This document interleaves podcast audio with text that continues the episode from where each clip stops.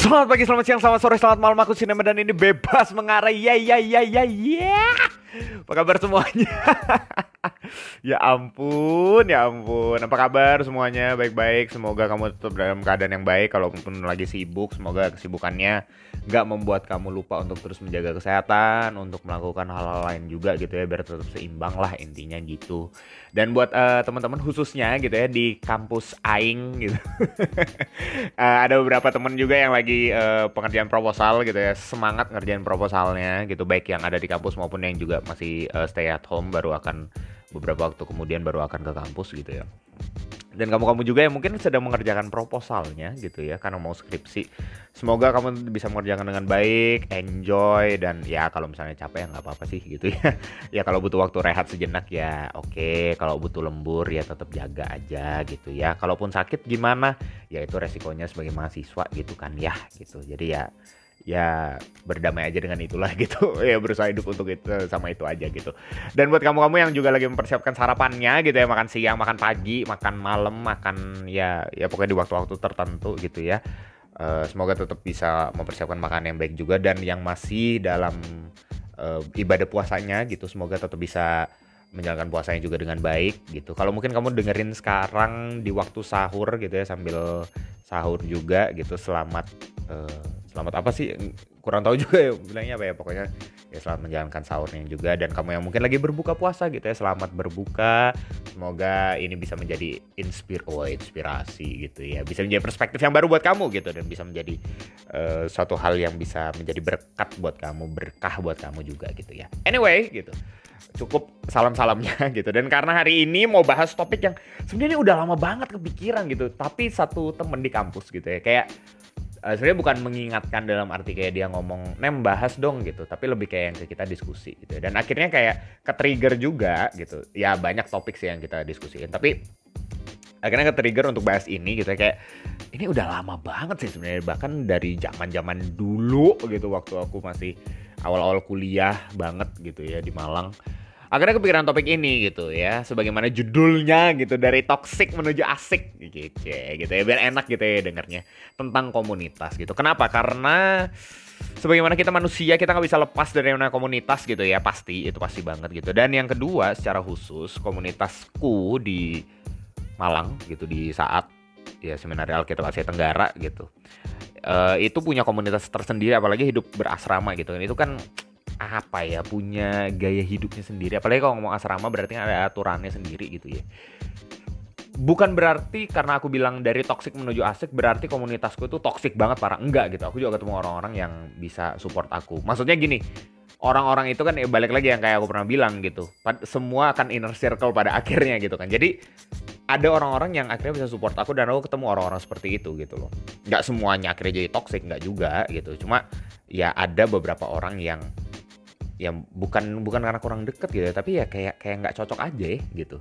Dan bukan berarti mereka buruk juga akhirnya enggak ya nggak cocok aja sama kita gitu. Atau mungkin belum cocok untuk saat ini gitu. Nggak tahu ke depannya gimana. Tapi yang jelas gitu ini kehidupan komunitas gitu ya. Aku mungkin mewakili su oh mewakili nggak juga lah ya tapi dari experienceku lah lebih ke situ. Experienceku selama aku hidup di asrama dan aku akhirnya melihat komunitas-komunitas lain juga dan ber bukan bercerita aja tapi mendengarkan cerita dari orang-orang yang juga dari komunitas yang lain di mana mereka punya struggling tersendiri. Ada aturan tertulis ya seperti seminari gitu asrama tapi ada juga aturan yang tidak tertulis. Dalam arti ada komunitas-komunitas yang dalam pertemanan itu ternyata ada kayak semacam etiketnya gitu ya. Nah itu yang kadang-kadang ngeselin gitu kan itu kadang-kadang yang kurang sesuai sama kita gitu. Dan akhirnya itu membuat kadang-kadang kita juga jadi capek di komunitas. Nah aku akhirnya berpikir gitu ya dari pengalamanku dan dari cerita beberapa orang aku udah kembali memikirkan apa sih arti dari sebuah komunitas. Cie gitu. Sok-sok jadi filsuf gitu ya. Nggak nggak berat gitu nyantai aja gitu. Makanya siapin catatannya dulu gitu ya. Udah siap di notesnya gitu. Mungkin di Galaxy notesnya atau di kalau di Apple apa sih istilahnya tuh ya itulah pokoknya ya pokoknya catatan gitu. Atau mungkin di laptop nggak apa-apa sambil chill aja nyantai gitu sambil minum teh minum kopi silahkan sambil makan juga boleh gitu ya. Ini dua hal yang aku pikirin tentang komunitas dan mungkin bisa jadi pertimbangan buat kamu juga untuk menjalani kehidupan di komunitas gitu. Yang pertama gini tentang komunitas. Oh ya sebelumnya aku melihat bahwa komunitas itu sebagai satu realita yang kita nggak bisa lepas gitu ya. jadi kayak kamu ke mana aja gitu ya. Siapa pun kamu pekerjaan apa pun kamu profesi apa kamu gitu kuliah di mana pun kamu fakultas apa pun kamu di keluarga mana pun kamu kamu nggak bisa lepas dari yang namanya komunitas gitu. Entah itu keluarga kayak entah itu sekolah entah itu kampus entah itu kantor entah itu eh, apalagi tuh. Ya bahkan tempat ibadah juga kan gitu ya gereja masjid pura dan lain-lainnya itu. Semuanya itu adalah komunitas buat kita gitu. Nah tapi mungkin aku akan lebih fokus ke hal yang ter, uh, ketimbang aku fokus ke komunitas yang religius gitu ya. Maksudnya dalam arti ya tempat ibadah gitu ya maksudnya. Aku lebih akan fokus ke komunitas yang di mana interaksinya itu lebih lebih kayak in, frekuensinya itu lebih banyak gitu. Maksudnya ya kita mungkin beberapa dari kita beberapa kamu yang dengerin gak sebanyak itu juga ke tempat ibadah gitu kan. Kayak ngabisin waktu itu lebih banyak di di tempat lain gitu loh di komunitas lain. Nangkep ya nangkep ya gitu. Bukan jangan salah paham dulu nih gitu. Jadi maksudnya ya tetap ya oke ada ibadahnya gitu. Atau mungkin kamu yang nggak ibadah juga ya ya udah nggak apa-apa gitu. Maksudnya nggak nggak apa-apa dalam arti kita bisa dengerin ini juga gitu. Cuma kan maksudnya rata-rata kita tuh ngabisin waktu di komunitas yang lain di tempat yang lain gitu. Nah aku jadi mikir kayak komunitas lain itu itu berarti punya interaksi yang cukup padat gitu ya. Dan itu mempengaruhi kita. Dan karena itu, ini yang membuat aku terdorong untuk ngomong ini. Dua hal ini gitu ya. Yang pertama, tentang komunitas.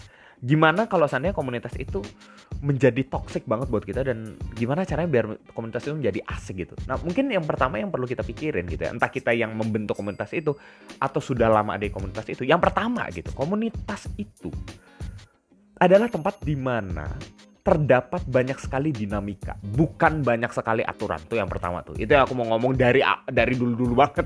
Ya catat deh, catat deh. Komunitas adalah tempat di mana terdapat banyak sekali dinamika, bukan pertama-tama terdapat banyak sekali aturan. Oke, okay? udah gini gini gini aku jelasin, aku jelasin. Gini gini. Maksudku, komunitas itu seperti yang tadi aku bilang, pasti ada aturannya gitu ya. Aturan baik itu tertulis ataupun enggak. Let's say itu etiket gitu. Etiket yang akhirnya jadi kayak udah just go with the flow aja. Itu kayak kita udah tahu kayak ada istilah Inggrisnya tuh apa second nature gitu ya cie gitu. So-soan Inggris lu nih gitu ya intinya kayak udah udah kita terbiasa tanpa perlu disebutin tanpa perlu itu kita tuh udah tahu gitu loh. Nah tapi aturan-aturan itu yang kadang-kadang bikin kita tersiksa juga. Nah makanya kadang-kadang tuh gini yang at least yang aku lihat waktu beberapa tahun di asrama gitu ya misalnya ada aturan-aturan itu yang kadang-kadang aku mikir gini ini kenapa ya ada sih? gitu ya terlepas dari itu salah atau benar nanti dulu gitu. Tapi yang jelas aku tuh mempertanyakan ulang aja gitu. Karena dasarnya ada yang kadang-kadang tuh dikasih tahu itu cuma gini ya karena itu udah dari bertahun-tahun lalu. Ya itu kan nggak ada. Ya apa? Itu bukan dasar men. Itu itu adalah itu adalah kenyataan gitu bahwa dari bertahun-tahun lalu ya itu udah ada. Tapi mana dasarnya gitu loh ya, gimana gitu? Bukan itu yang dimaksud. Nah maksudnya apa? Apa yang mau dituju dari aturan itu? Apa yang menjadi dasar dari pembentukan aturan itu? Nah maksudku gitu. Jadi at, komunitas itu pasti punya aturan. Entah itu tertulis ataupun enggak. Tapi bukan pelaksanaan aturan itu yang menjadi penekanan dari adanya komunitas gitu loh karena komunitas itu hadir untuk menghadirkan banyak sekali dinamika gitu. Nah itu yang itu yang aku lihat gitu ya. Kalau kamu misalnya mau diskusi nggak apa-apa gitu. Cuma yang aku lihat adalah ya komunitas itu menghadirkan banyak dinamika. Dinamika demi dinamika itulah yang akhirnya membentuk kita. Nah karena itu gini, komunitas itu sifatnya formatif buat aku gitu ya. Komunitas itu pasti ngebentuk kita. Dan karena itu komunitas pertama-tama hadir untuk membentuk kita. Bukan supaya kita jalanin semua aturan itu enggak gitu loh Justru gini, menurutku aturan-aturan itu ada supaya ngebentuk kita, supaya pembentukannya itu lebih efektif. Gitu ya, nangkep ya maksudnya. Jadi aturan itu adalah tools buat kita, itu adalah step by step, langkah demi langkah yang kita ambil supaya kita sampai di tujuannya itu gitu loh. Tujuan dari komunitas itu. Pembentukan yang mau dihadirkan di komunitas itu. Dan karena itu menurutku dari aturan-aturan itulah muncul yang namanya dinamika dan dinamika itu yang jadi kunci pentingnya sebenarnya. Ketika kita ada komunitas tapi kita tidak memiliki dinamika di dalamnya, yang menurutku itu sepertinya tidak mungkin gitu ya. Kalau kita diem aja gimana? Ya pertama, mending gak usah ikut komunitas dari awal gitu. Yang kedua, ya kita diem pun sebetulnya kita kan terus berkembang gitu loh. Diam pun itu adalah suatu perkembangan hidup gitu kan. Kita akan terus yang nggak ada yang namanya statis doang gitu loh. Sebenarnya nggak ada gitu. Pasti akan terus terjadi. Nah jadi kita, ngapain kita menghindari dinamika itu gitu loh? Dan kalau misalnya nggak mau terlibat dari awal ya mending nggak usah masuk komunitas gitu kan. Justru karena kita masuk di dalam komunitas se sejatinya kita harus sadar dari awal gitu bahwa ya pasti akan ada dinamika itu gitu. Gesekan lah. Cinta bahkan cie gitu ya ada ketertarikan di antara kita, tapi ada selisih paham juga. Eh tapi ada kesepahaman juga, tapi sisi lain bisa aja beda pendapat gitu kan. Dan itu nggak nggak perlu dihindari gitu ya. Namanya komunitas ya pasti begitu gitu. Nah itu yang aku akhirnya ngelihat, iya iya, sepertinya dinamika yang seharusnya menjadi poin penting gitu, bukan pelaksanaan aturannya pertama-tama gitu. Dan itu membawa aku kepada hal yang kedua, karena adanya dinamika itu akhirnya terjadi kan evaluasi. Nah ini poin kedua yang aku mau tawarin buat kamu. Komunitas itu adalah tempat di mana evaluasi itu diusahakan, bukan eliminasi yang diusahakan. Tuh catat tuh. Catat tuh. Ya. Jadi komunitas adalah tempat di mana diusahakan sebuah evaluasi, bukan eliminasi. Nah, itu poinnya tuh. Gila nih mah. Hari ini keren banget kata-katanya parah gila. kayak cinta diri gitu ya jadinya. Tapi yang jelas gini, ini hal yang hal kedua yang aku pikir juga lucu, tapi ini aku dapat gitu. Kenapa? Karena dari setiap interaksi yang terjadi, dari setiap gesekan yang terjadi, dari setiap cinta, dari setiap selisih paham, dari setiap kesepahaman yang terjadi, sejatinya itu membuat kita karena komunitas adalah tempat yang formatif gitu ya. Sejatinya itu harusnya membuat diri kita gitu ya. Sebenarnya membuat diri kita tuh untuk mengevaluasi diri gitu. Dan dalam kaitannya tentang formasi diri gitu ya. Bukankah evaluasi itu adalah salah satu bagian di dalam formasi pembentukan diri kita gitu loh. Nah, karena itu gini, kalau misalnya ada kesalahan yang terjadi di komunitas itu, balik lagi ada aturan berarti kan ada mana yang boleh, mana yang tidak boleh, mana good thing, mana pelanggaran gitu ya. Kalau misalnya ada yang melakukan pelanggaran gitu, justru yang seharusnya terjadi pertama-tama itu evaluasi dari orang itu si pembuat pelanggaran itu gitu ya. Jadi pembuat pelanggaran itu gitu, orang yang melanggar aturan itu jangan langsung dieliminasi. Nah, enggak eliminasi itu maksudnya apa? Eliminasi itu kayak langsung dianggap outsider. Wah, ini pengacau. Wah, rebel apa pun lah terserah itu label-label itu yang kalian bisa you name it lah gitu. Kalian bisa sebutin itu semua bukan itu pertama-tama gitu loh. Justru komunitas adalah tempat di mana evaluasi terjadi. Evaluasi itu terjadi waktu orang itu sadar, oh ada yang salah yang aku lakuin. Dan komunitas yang lain itu menjadi asik. Asiknya tuh apa? Ngebantu dia untuk memberikan evaluasi, masukan, kritikan boleh. Dan justru membangun dia untuk menjadi pribadi yang lebih baik dengan tetap melihat keterbatasan dia gitu ya ada hal terbatas ada kekurangan dia itu nggak menjadikan gini loh, waktu ada orang di komunitas kita yang buruk, ya oh bukan yang buruk, ya, maksudnya yang melakukan kesalahan, jangan kita ngelihat itu sebagai satu hal yang wah ini orang langsung buruk gitu. Enggak gitu. Ini orang sedang berusaha, sedang berjuang, sedang membangun dirinya. Ya support dong kalau kayak gitu gitu loh. Itu maksudku yang dimaksud komunitas asik tuh gitu. Bukan akhirnya kayak di sorry ya, di anjing-anjingin gitu loh tuh orang. Jadi kayak direndahin banget gitu kenapa sih gitu? Kenapa komunitas tuh harus menjadi tempat yang sangat toksik di mana ada orang yang melakukan kesalahan?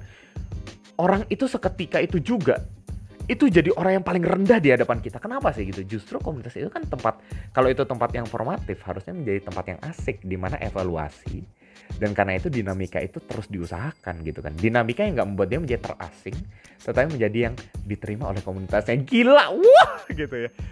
ya tapi itu poinnya gitu. Jadi coba mungkin dua hal ini yang bisa menjadi pertimbangan buat kamu ketika kamu ada di dalam komunitas. Yang pertama komunitas itu menjadi tempat dinamika diusahakan, Bu.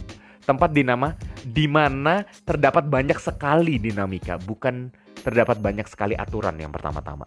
Dan selanjutnya komunitas itu yang pertama uh, yang cuk yang cukup utama C yang utama adalah dari komunitas itu adalah apa?